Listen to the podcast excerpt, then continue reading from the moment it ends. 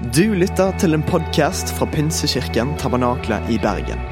Vi tror at kirken skal være en plass hvor mennesker trives gjennom alle livets faser. En kirke for hele livet. Ønsker du å bli bedre kjent med oss eller holde deg oppdatert? Besøk vår Facebook-side eller ptb.no. Her er ukens tale. Du, jeg har hørt mange si 'først og fremst' mange ganger. Eh, og Noen ganger er det sånn at man sier det for å liksom ha sagt det som man skal si, for det også for å si noe helt annet etterpå. Og Det er veldig gøy når for eksempel, jeg, jeg får jo av og til tilbakemeldinger når jeg preker. og sånne ting, og Da er det av og til sånn at noen kommer først og fremst vil si at det var skikkelig bra, og så, det, og så sier jeg ikke noe mer om det, og så kommer det masse annet greier. liksom. Og Det er sånn typisk. at liksom Det som er det viktige, det er at vi må bare si det. liksom. Men vi vil egentlig si masse annet om noe som ikke er så viktig. Og Vår serie som heter 'Først og fremst' ikke for at vi liksom skal bli ferdig med det som er viktig, sånn at vi kan snakke om masse uviktige ting resten av året. Det kunne man nesten tro. sant? Vi bare liksom, nå er vi ferdig med det, da kan vi bare snakke om sånn tull resten av året. Nei, det er fordi vi ønsker å, å, legge et grunnlag for å fortelle og snakke om og bli enige om hva vi, hva vi tenker er det aller viktigste. Hva er det som først og fremst er viktig som fellesskap, som kirke og som enkeltpersoner. Og så ønsker jeg at dette skal være en type sånn Det er noe som Alt annet går ut ifra dette eh, som vi snakker om denne serien, og det som, som, som kommer fram. Og det, det, er ikke noe som vi har funnet på sjøl. Det er veldig sjelden det, når vi preker herfra. Det er veldig sjelden at vi liksom bare sånn, ah, det har vært gøy å snakke om det temaet. Og så bare gjør vi det. Nei, vi lar Bibelens ord bestemme hva vi skal snakke om. Og det er rett og slett sånn at Jesus han blir spurt det enkle spørsmålet hva er det viktigste. Og så svarer han dette. Her kommer litt sånn fri oversettelse. Så, så, men, men, men, hør etter nå, da. Bare hør etter på dette jeg sier nå. Det som leser nå. Da fariseerne hørte at han hadde satt sadukerende skikkelig på plass Det var liksom de to fete gruppene av de som kunne alt. De var litt sånn uenige om noe, og så var de virkelig begge to uenige med Jesus. Så samlet de seg for å planlegge et angrep. En av de som hadde mest peiling på loven, spurte da for å teste han i håp om å henge han ut. Mester, hvilket bud er det største i loven? Jesus svarte, først og fremst så skal du elske Herren din Gud med all din lidenskap, bønn og intelligens. Det er det viktigste. Først og fremst på alle lister.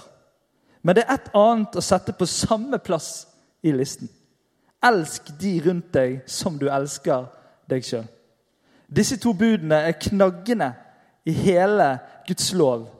Nei, disse budene er, ja, er knaggene, og alt henger på disse. Forrige uke så prekte Benjamin om det å elske Gud. Det at vi, vi må vite hvem Gud er for å kunne elske han og bli kjent med han. Og så snakket han om hva er et liv i Gud eller hva jeg vil si å elske Gud. Kanskje er det et liv i lovprisning, i tilbedelse. Og så skal vi i dag snakke om denne delen av å elske andre.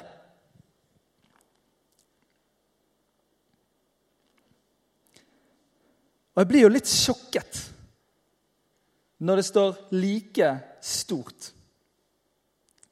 Det er ganske heftig. Like stort som det å elske Gud. Altså Like naturlig for meg i mitt kristenliv så skal det være like naturlig for meg som å elske Gud og elske andre mennesker.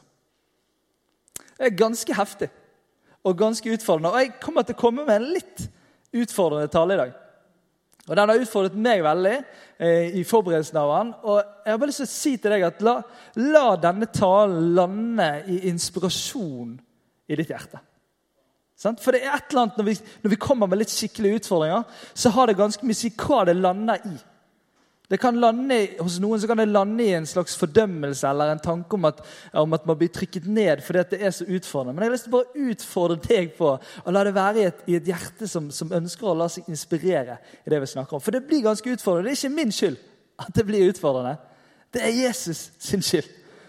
Jeg bare har lyst til å legge alt på han her i dag. For det er helt sant. For det blir ganske så heftig når vi får utfordringen av å elske andre mennesker slik som han har elsket oss. For det er det det står i, Johannes evangelium 13, 34.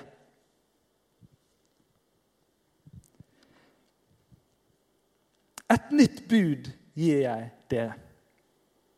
Dere skal elske hverandre. Som jeg har elsket dere, skal dere elske hverandre. Ved dette skal alle forstå at dere er mine disipler, at dere har kjærlighet til hverandre. Og det er litt det som er på en enkel måte å snakke om det å elske andre. Så kan man egentlig snakke om at det handler om å begynne å elske det som Gud elsker. Og jeg tror Rekkefølgen er viktig, selv om de er like store. Elsker Gud, elsker hverandre. Så tror jeg virkelig at rekkefølgen er viktig, for jeg tror at det er i den relasjonen til Gud. Altså at vi elsker Han, eller får elske Han tilbake som elsket oss først. At vi får kraft og mulighet til å elske andre mennesker slik som Han har elsket oss. Så jeg tror rekkefølgen er viktig, men de er like store allikevel. Og det er dette som jeg tenker at det handler rett og slett så enkelt om å få lov til å begynne å elske det som Gud elsker. Og vet du han elsker aller mest på jord? Det er meg, og så er det deg. Og så er det alle mennesker. Det er hans største kjærlighet, hans kjærlighetsfokus, der det liksom måler inn på, der det kjøres inn på. Det er inn på menneskene. Det er det han gir sin kjærlighet til og ønsker å elske, og som han er opptatt av. Og så er det det vi får mulighet til når vi skal elske andre. Men så blir det litt utfordrende, så blir det litt heftig når vi skal elske, ikke på en måte som vi kan, men få lov til å elske på den måten som Gud elsker oss.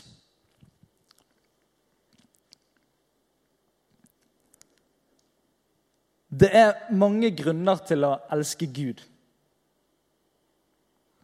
Han har skapt oss. Han har elsket oss før vi fikk i det hele tatt mulighet til å elske han. Han har gjort alt for oss før vi i det hele tatt hadde sjanse til å gjøre noen ting for han. Han har gitt oss en uendelig verdi der vi er verdt å dø for. Og Han elsker oss betingelsesløst. Altså Han har ingen krav og uten å bli påvirket av vår oppførsel. Han elsker oss konstant. Og Når jeg ser på denne listen, så er det ikke så veldig mange mennesker i mitt liv som har gjort det samme for meg. Eller som viser den samme kjærligheten for meg. Til og med mine aller nærmeste strekker ikke til i dette. Og det er av og til jeg begynner å lure på om vi blander litt inn i sakene. At vi begynner å tenke at vi skal elske andre mennesker slik som vi elsker Gud. Men det er ikke det det står. Det står at vi skal få lov til å elske andre mennesker slik som Han har elsket oss. The ups the bar, liksom. Er det riktig engelsk? Ja, takk. Av og til legger jeg inn sånne engelske.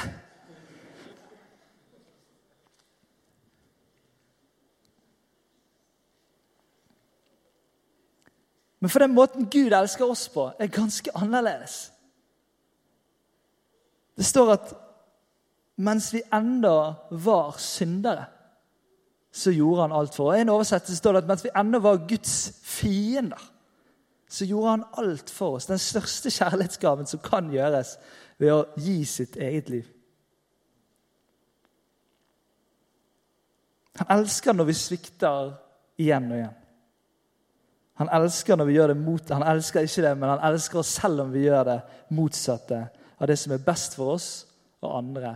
Hans vilje for oss, hans vilje for andre.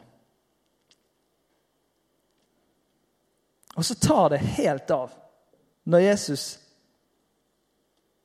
i en ganske utfordrende preken, som kalles bergpreken, begynner å legge ut om hva denne kjærligheten er når vi skal få elske slik som han har elsket oss.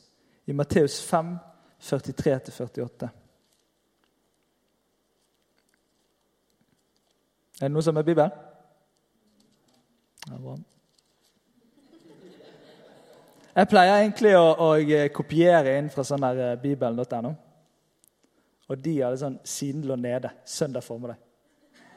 Jeg har relativt dårlig stemning. altså. Og noen par eh, prester og pastorer som rev seg i hodet. Men du, jeg har en sånn papirutgave, da. Jeg tror det er bra å bruke den litt, altså. Matteus 5, 43-48. Og Hør på dette her, da. Og hvis, hvis, du har hørt dette før, så utfordrer jeg deg til å høre det på nytt. Sånn er det med bibelboka. At vi kan høre ting på nytt. Igjen og igjen. Dere har hørt det er sagt. Du skal elske din neste og hate din fiende. Men jeg sier dere, elsk deres fiender. Velsign den som forbanner dere. Gjør godt mot dem som hater dere, og be for dem som mishandler dere og forfølger dere. Slik kan dere være barn av deres far i himmelen. For han lar sin sol gå opp over onde og gode, og lar det regne over rettferdige og urettferdige. Om dere elsker dem som elsker dere, er det noe å lønne dere for? Gjør ikke tollerne Det var liksom buksen for de som gjorde det man ikke skulle gjøre. Gjør ikke de det samme? Og om dere hilser vennlig på deres egne, ja, det er noe storartet? Gjør ikke hedningene, altså de som ikke tror, det samme? Vær da fullkomne slik deres himmelske Far er fullkommen. Og Da er det sånn at, at, at det, det, det, blir et nytt nivå av det å elske. Det er derfor dette blir utfordrende, derfor dette blir vanskelig og grensesprengende for oss mennesker når vi blir invitert inn i å elske på denne måten. Hva er egentlig en fiende?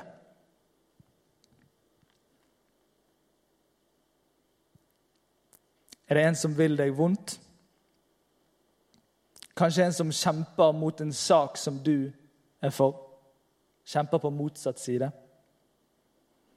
En som har gjort mye vondt mot deg? Eller er det bare en du ikke liker? Hvor går grensen fra å ikke like en person til at den blir din fiende? Hva tenker du egentlig? Har du noen fiender.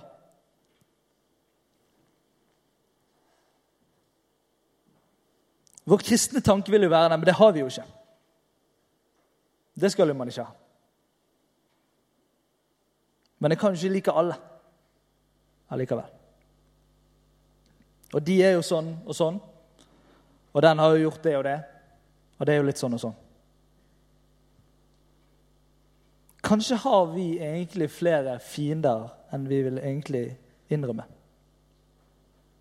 Og Kanskje lurer vi oss sjøl og setter det i en litt mer nøytral boks, sånn at vi slipper å forholde oss til disse menneskene når vi får dette vanvittig utfordrende ordet av Jesus om å elske våre fiender, gjøre godt mot de som hater oss. Sånn at vi på en måte kan sette oss litt på siden når Jesus sier men jeg har ingen fiender. så lurer vi oss sjøl.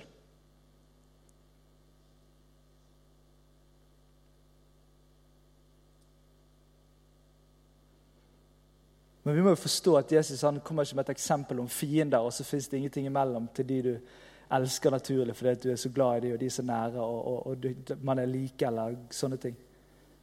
Han snakker jo om å sette ting helt ut på spissen. Til og med dine fiender skal du elske. Og da er det ganske mange mennesker fra de som er naturlig for deg å elske, til dine fiender. Og så tar han bare og legger et nytt nivå av det å skulle elske. Og det blir så fryktelig vondt da, når det plutselig handler om fiender. Når det plutselig handler om mennesker som har gjort noe vondt mot deg. Og Vi skal se en, en film nå. Og Jeg var litt usikker på om jeg skulle vise den, for jeg syns den er litt for heftig. egentlig. Men jeg tror at kirkerommet trenger å få større takhøyde. Vi trenger å snakke om flere, vi trenger å ha rom for flere ting. Og da må vi orke de vanskelige tingene òg. Så du skal få lov til å, å, eh, se opp på skjermene. Jeg tar et valg. Hver dag når jeg står opp, tar jeg et valg. Jeg velger å ikke hate. Og jeg Jeg har grunner til å hate. Da jeg var 13 år gammel, ble jeg seksuelt overgrepet for første gang av en slektning. Det var en nydelig sommerdag, og jeg fikk beskjed om å hente han nå som vaflene var klare til å bli spist. Han satt i bilen, smilte til meg og ba meg sette meg ned på fanget hans. Jeg ropte ut. Jeg sa ifra. Men jeg ble bedt om å være stille. Og stille har jeg vært siden. Stille har jeg vært under og etter alle de fremtidige overgrepene jeg skulle overleve. Fordi jeg lærte at en urett mot meg var et problem for andre. Ubeleilig. Ubeleilig for familien min. Det skulle bli vanskelig om vi skulle gjøre noe med det. Han var bare en gammel mann. Han mente ikke noe med det. Det var nok ikke så ille som du tror. Det jeg lærte, var min kropp tilhører ikke meg. Mine følelser er ikke sanne, og 13 år gamle meg angret på at jeg hadde tatt på meg det skjørtet. Jeg har grunner til å hate. Jeg har så utrolig mange grunner til å hate denne hvite, norske slektningen min. Men jeg tar et valg. Hver dag når jeg står opp, tar jeg et valg, og jeg velger å ikke hate. Da jeg var 16 år gammel, ble jeg voldtatt for første gang av en venns kompis. Jeg var så full at jeg klarte nesten ikke bevege meg. Han hjalp meg med inn på et rom og beviste noe jeg allerede visste. Min kropp tilhører ikke meg. Jeg prøvde å dytte han av, men jeg var ikke sterk nok. Jeg sa nei, men han hørte ikke etter. Det jeg lærte, var mine ord holder ingen verdi. Jeg har ingen verdi. Jeg har så utrolig mange grunner til å hate denne hvite, norske gutten jeg ikke visste navnet til. Men jeg tar et valg, og jeg velger å ikke hate. Og jeg jeg har grunner til å hate. 22. juli 2011. Jeg var på vei til bussen. Bakken begynte å vibrere. Jeg kjente et trykk mot hele kroppen. Så kom den verste lyden jeg noen gang har hørt. En lyd som torden ganger hundre. En lyd som tar over hele kroppen og brenner seg inn i skjelettet. Knust glass kom som titalls skudd mot kroppen og brant meg. Jeg var livredd. Rundt meg så jeg mennesker strødd på bakken. Hjelpeløse, livløse, blødende. Rundt meg var mennesker fanget i bygninger. Jeg kunne ikke hjelpe, jeg kunne bare løpe. Det jeg lærte, var jeg har ingen kontroll. Jeg har så utrolig mange grunner til å hate denne hvite norske mannen som dro til Utøya. Drepte en solstråle i mitt liv. En venninne som hadde flyktet fra krig bare for å bli drept av en terrorist i fredfulle Norge. Så jeg tar et valg. Hver dag når jeg står opp, tar jeg et valg. Og jeg velger å ikke hate, selv om jeg har alle grunner i verden. Det ville vært så lett så lett å hate alle disse mennene med hele min kropp. De overgrep meg, de voldtok meg, de bombet meg, de drepte min venninne. Men jeg tar et valg, og jeg velger å ikke la hatet og frykten styre mitt liv. Fordi noen få menneskers handlinger representerer ikke alle. Kjønn, farge, opphav, legning. Vi er alle mennesker, så jeg tar et valg. Hver dag når jeg står opp, tar jeg et valg, og jeg velger å ikke hate. Jeg tar et valg. Hver dag når jeg står opp, tar jeg et valg, og jeg velger kjærligheten.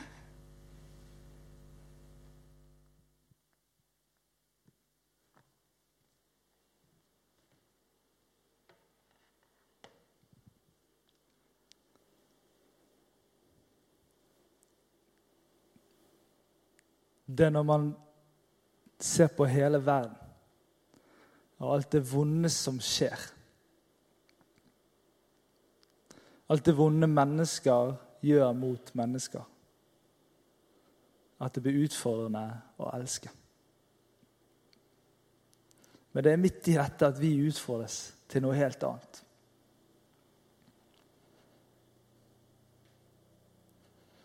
Og det er noe jeg tror er den viktigste Noe av det viktigste i mitt forhold til Gud er at jeg vet at han elsker meg uansett. At hans kjærlighet er konstant, uavhengig av hans dagsform, uavhengig av min oppførsel den siste tiden. Uavhengig av alt, så elsker han konstant. Og det er noe med at Hvis kjærligheten eller det å elske noen blir styrt av følelsene våre, så vil vi komme veldig fort til kort.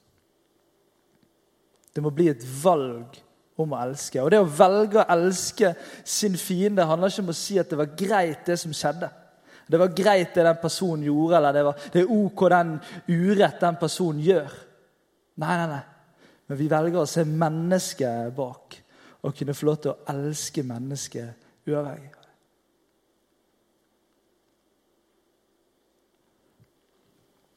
Vi velger å elske hverandre. La oss velge å be bønn 'Fyll meg, Gud, med din kjærlighet' for denne personen.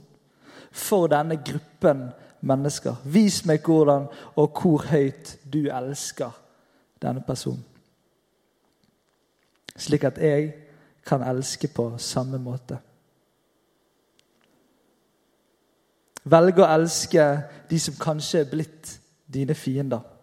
Velge å elske de som har gjort vondt mot deg. Velge å elske de som svikter deg. Velge å elske de som kjemper imot deg. Velge å elske.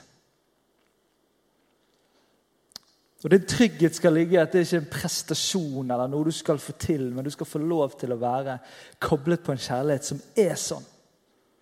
Og så skal du få lov til å få kraft til å være med og elske på samme måte videre. Men vi er helt avhengig av å be bønnen om at vis meg, Gud, hvordan du ser på dette mennesket. Gjør det mot noen mennesker i ditt liv som du har satt på en eller annen liste av at du ikke ønsker å tenke på dem, men allikevel så kommer de fram i livet ditt. Eller om det er en gruppe mennesker i verden som gjør ting du bare hater, for det er så forferdelig og vondt. Så kan man se forbi det, og så kan man elske mennesket allikevel. Vi har en Gud som klarer å skille mellom synderen og synd. Der han hater synden, men elsker synderen. Og vi kan få lov til å elske med den samme kjærligheten. Og få ha det samme tanken om mennesker. Elske hverandre slik som han har elsket oss. Så står det i teksten vi leste tidligere, at ikke bare skal vi elske hverandre slik som han har elsket oss, men vi skal også være sånn at det, det som gjør at mennesker forstår at vi tilhører han. At det er det som skal være kjennetegnet på at du er en som, som tror, du er en som tilhører Jesus. Det er at kjærligheten man har til hverandre. Jeg satt på stranden i Kreta, så lå det en mann ved siden av meg. Han hadde tatoveringene som det sto 'You never walk alone' på. Og jeg skjønte jo at denne fyren heier på riktig lag. Og det går forresten ganske bra for tiden med det laget. Så jeg tenkte det var greit å bruke det eksempelet akkurat nå. Men da hadde han merket seg med. Det det var jo ikke det var jo, jeg tenkte hvis det er kjipt for deg hvis ikke, hvis ikke du heier på dem når du har en tatovering. liksom. Men det var veldig lett for meg å forstå at han, dette, han tilhører de som heier på Leopold. Han tilhører, han er på riktig side. Og så er det sånn at På samme måte så er det sånn at vi, vi utfordres, eller vi, Vårt merke, vårt kjennemerke skal være at vi elsker hverandre. Og Det er ikke bare sånn at det liksom da fører til at folk ser det, men det gjør at Jesus blir synlig i den kjærligheten man har til hverandre. Som kristne i det kristne fellesskapet i det kristne fellesskapet i denne byen, der vi fikk være sammen i, i går med, med, mange forskjellige kirker og feire sammen og vise Bergen by at vi står sammen i kjærlighet til hverandre. Selv om vi ikke er enige om alt, så velger vi enhet. Og På samme måte så kan vi velge å elske hverandre i det kristne fellesskapet. Selv om det kan være masse forskjellige meninger om forskjellige ting, så kan man velge å elske hverandre. Og Det er noe misjonalt i det. Altså det er sånn at Mennesker kommer til tro pga. det. Når Jesus ber for sine disipler, så ber han om at de, de må være ett, sånn at folk skal se det. Så skal de komme til tro gjennom det. At folk bare ser at de er gode mot hverandre, at de elsker hverandre, at de har en annen kjærlighet enn det verden kan gi. Jeg hører mange i denne menigheten, i vår menighet, si at de elsker kirken sin. Og Jeg bare elsker å høre det. Jeg digger å høre at mennesker er glad i kirken sin, at de har et kjempegodt forhold til den. Men noen ganger er det litt interessant, fordi man, man, blir så glad i kirken sin at man ender opp med å nesten behandle noen andre mennesker dårlig fordi man ønsker å kjempe for den kirken som man sjøl ser for seg. Og så tenker man kanskje hva er egentlig kirken? Pinsekirken, tabernaklet, Bergen er ikke et eller annet bygg eller en eller annen historie av en kirke som har vært, men det er folka som er her nå. Og Det å elske kirken sin det handler om å elske de menneskene man er sammen med her i fellesskapet. Det handler om å elske hverandre.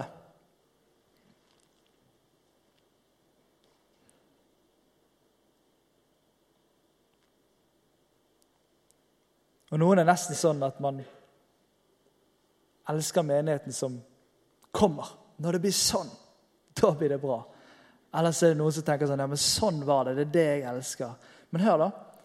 Å elske menigheten og elske kirken, det er nå. Det er i dag. I dag er dette pinsekirken, tabernaklet. Å elske hverandre, det er i dag. Det er ikke noe som var eller noe som kommer. Det er i dag. Jeg tror det fins så mye kraft i det å velge det som fellesskap. Å elske hverandre.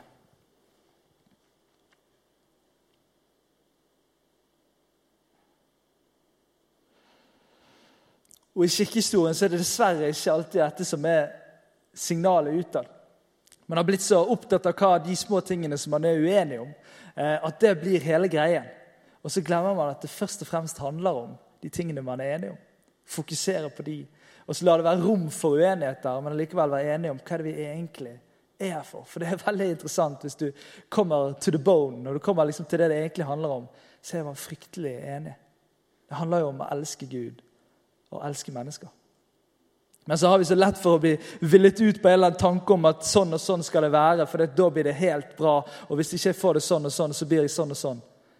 Og så ender vi opp med å plutselig tro at vi er uenige om veldig mye, mens vi egentlig er enige om veldig veldig masse. Og vi, vi, kjenner ikke så mye på det nå, kanskje her i dette fellesskapet, men det er historien viser at jo lenger mennesker er en del av en kirke, jo mer får man en eller annen tanke om at det skal være sånn og sånn, og så blir man mer og mer uenige. Sånn kan det fort bli. Det virker til å være en dragkraft i at enhver menighet møter disse spenningene. Uansett hvor bra det er, uansett hvor bra det var i starten, så møter man det en gang på veien, og så blir det noen spenninger. Da må man tenke hva er det man egentlig er for? Hva er det man egentlig er enige om? Og samles rundt det.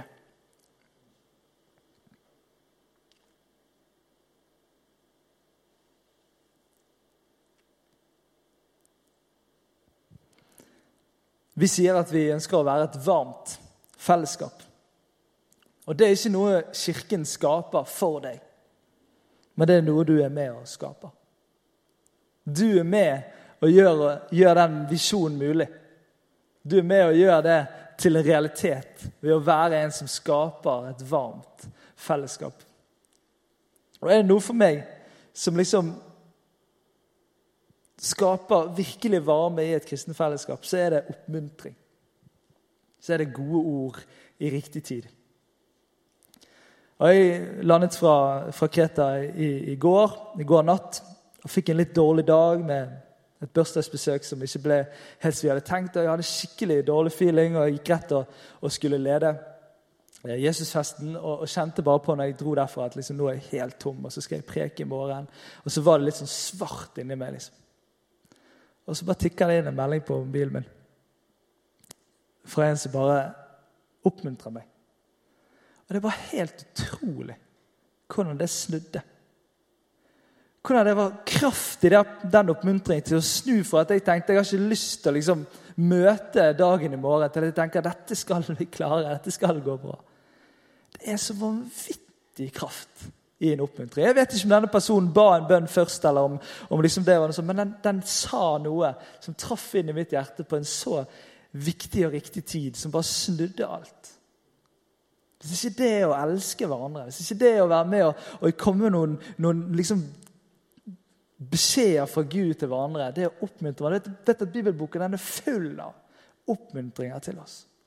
Til oss være sånne som oppmuntrer hverandre.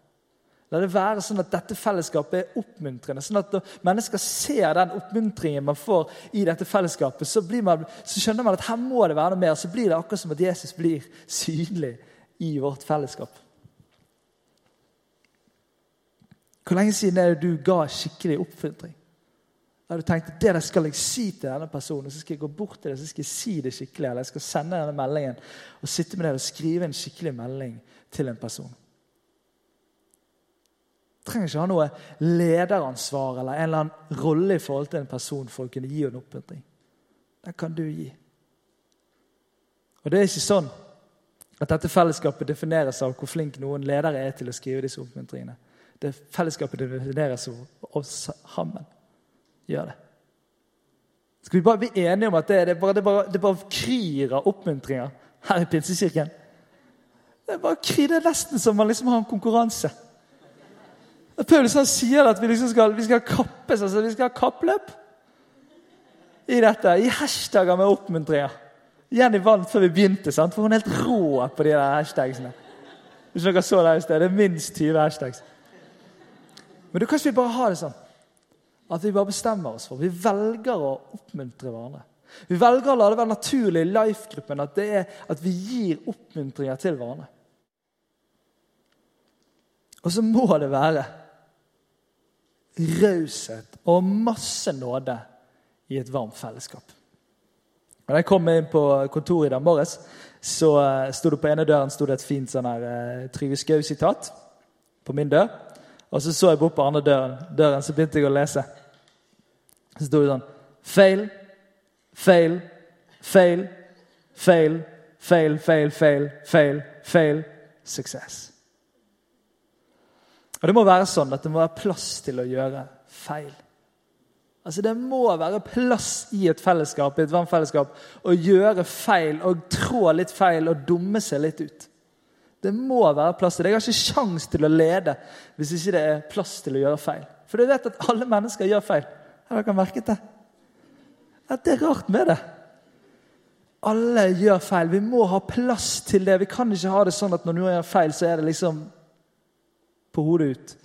Det må være nådefullt og raushet, og det må være plass til alle. Det må være rom for ulikhetene. Det må være bredde i forsamlingen til at det kan være sånn at man kan kjenne at man kan være her selv om man ikke er lik alle de andre. Det fins en eller annen misforståelse av at når man blir kristen, så må bli lik med hverandre.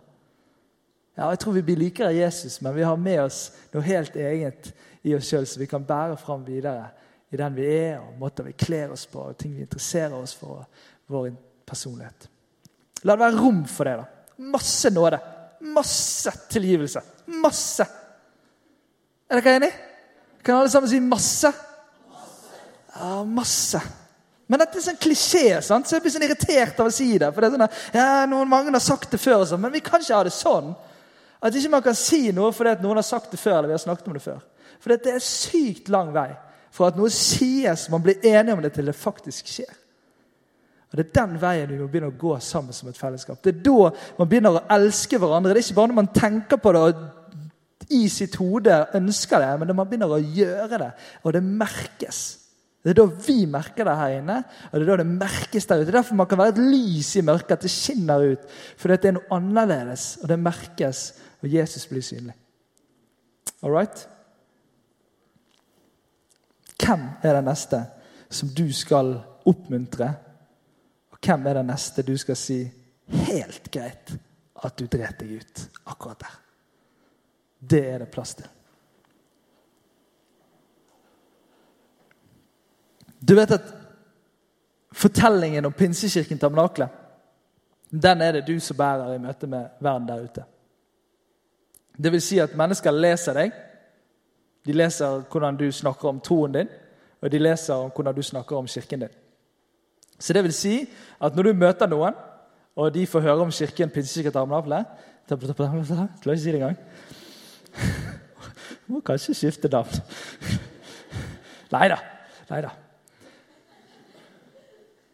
Så er, det, så er det den fortellingen. Da er det din fortelling, hvordan du snakker om Kirken, som blir den fortellingen og det de tenker om Kirken. Og Derfor så trenger vi å lære oss å snakke godt om Kirken vår. Og jeg kan bare love deg at denne kirken ikke er perfekt. Og jeg kan love deg at du kommer til å finne fryktelig mange ting du tenker det kunne vært bedre. Men allikevel så kan man velge å elske kirken sin. Og så kan man velge å snakke godt om den. Og jeg tror at Når man snakker mye godt om Kirken, så får man en eller annen slags buffer til å liksom ta tak i de tingene som ikke er så bra. Og det er sånn at, eh, at, eh, at eh, jeg kjenner en. Jeg har en venn i militæret. Jeg blir litt sånn redd av det der militæret. Jeg har ikke vært der engang. Men det er sånn at de militære gjør de fryktelig mye rart. Det er derfor ikke jeg har vært der. Jeg skal ikke ta meg. Men, men er sånn der, der drar de på sånne turer, sant? og så får ikke de spise. Og så, og, så, og så, skal de gjøre fryktelig mye greier, og så blir de kjempeslitne. Det, altså, Har du vært rundt mange slitne, sultne mennesker på samme tid? Altså, Det er liksom det der beste beste tilretteleggingen for, for konflikt, for hat. Det var sånn nåværende hat. Eh, men da, da, sa han noe Det var et helt nydelig. og Det var litt en sånn der eh, leveregel. Det står jo ikke i Bibelen, men, men, det er nesten så det står i Bibelen. At det er sånn at, at, at, eh, at det fins en sånn der, prosentregel. Og den heter, heter 30-70. Eller 70-30. Og den er sånn at, at 70% Du må fylle din kvote med 70% før du kan komme med dine 30 Og de 70% det er positivitet. liksom. Det er oppmuntring. Det er liksom Yes, come on, vi klarer dette. Det er liksom den greien der. Og Du får ikke lov til å komme med de 30 før du har fulgt kvoten med de 70. Jeg tror det fins noe som er livsvisdom og, og visdom inn i det å bygge kirke sammen i dette. Vi trenger, vi trenger, masse oppmuntring, masse positivitet for å takle de konstruktive tilbakemeldingene. For vi trenger de da. Vi kan ikke være sånn at vi liksom, det er ingenting bedre vi kan gjøre. Vi vil ikke høre det hvis du har noe sånn å si. Men vi trenger at det er en bøffel der, at det, det lander godt. Jeg hører at, for jeg har hørt så sykt mye bra fra Morten. Når han snakker til meg om kirken, så tåler jeg at det kommer noen par sånn Ja, men dette må vi. Du må skjerpe deg. Han sier alltid 'Skjerp deg, André', sier han sånn. Og så sier han, 'Nå er du på å bli slapp igjen, det Rett opp i ryggen. Bare, så blir det litt sånn. Men det må, men det må være den 70-30. Kan vi bli enige om 70-30? Du bare følger den. Du kan gjerne si 90-10-året. bare fylle på den veien. Men altså, i alle fall 70% sånn at det er positivitet. Det handler ikke om å være sånn der, 'Alt er bra, jeg tenker ikke på noen ting'. Det handler om å si, jeg velger å se de positive, gode tingene. Jeg velger å elske kirken min, jeg velger å elske mennesker. Jeg velger å snakke om den på den måten, sånn at det blir faktisk attraktivt bare jeg snakker om den. Så er det sånn at folk får lyst til å være med oss inn her i fellesskapet. For du vet at det er den måten mennesker begynner å tro i dag. De blir invitert inn i et fellesskap. Og i det fellesskapet så får de møte Guds kjærlighet. De ser det i møtet mellom de som er der allerede, og de får oppleve det i møte med menneskene. Og så får de komme og ha et møte med Jesus direkte. Vi får lov til å peke mot det, og de blir åpne for det. Og så tar de et valg. Det er sånn vi ser at det er vanlig å bli en kristen i dag. Man får komme inn i et fellesskap der man opplever at det er plass til en sjøl. Der det blir rom for en. Og man får lov til å gå de stegene man trenger å gå mot det å være og bli en kristen. Da blir det lett å være ny. Det blir lett å invitere inn i fellesskapet. Menneskene leser deg. Troen din, forholdet ditt til kirken. Like stort elske hverandre. Ikke som vi elsker Gud, men som Han har elsket oss. Slutten av vår visjon Den starter med et varmt fellesskap, og så slutter han med 'bringer håp til mennesker'. Og Setningen min for denne talen blir at et varmt fellesskap bringer håp til mennesker. Sånn er det. Jesus blir synlig. Mennesker opplever at de kan få komme hjem i et fellesskap der man elsker hverandre.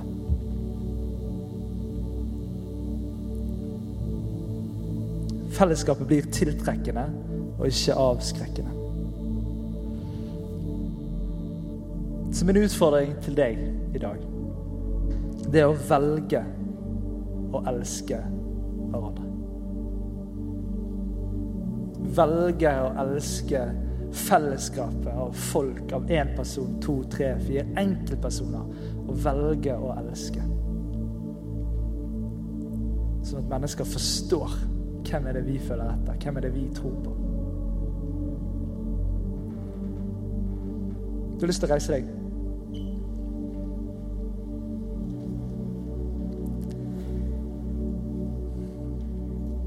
Jeg kjente på det når jeg eh, forberedte meg. Og for meg er det en, måte jeg tror Gud snakker til meg på. At det skal komme en utfordring til slutt i dag. Og da kjente jeg på det å gi en utfordring om å bli bedt for. Om det å få kraft til å elske en fiende. En som har blitt en fiende i ditt liv. Og Jeg vil gi deg muligheten nå, gi deg muligheten til å gi respons på det, og, jeg skal bare be herfra. Så hvis alle bare lukker øynene, så teller jeg til tre. Hvis du kjenner at, at jeg trenger å bli bedt for i forhold til dette, så ta det opp hånden jeg teller til tre. Én, to, tre. Nydelig. Nydelig. Så bra. Så bra. Så bra. Bare ta ned hånden igjen så skal jeg bare be en bønn. Takker deg, himmelske gode far, for at det er du som har elsket oss først. Takker deg for at den kjærligheten får vi lov til å leve i først og fremst. Å leve i og få lov til å gi den videre til andre mennesker. Og nå bare ber jeg om kraft til å elske. Kraft til å elske mennesker som har gjort vondt mot oss. Mennesker som er blitt fiender pga. ting som har skjedd her. Og jeg bare ber om kraft til å elske. Jeg ber om din kraft. Jeg ber om din kjærlighet i vårt liv og gjennom vårt liv. Ditt navn, Jesus.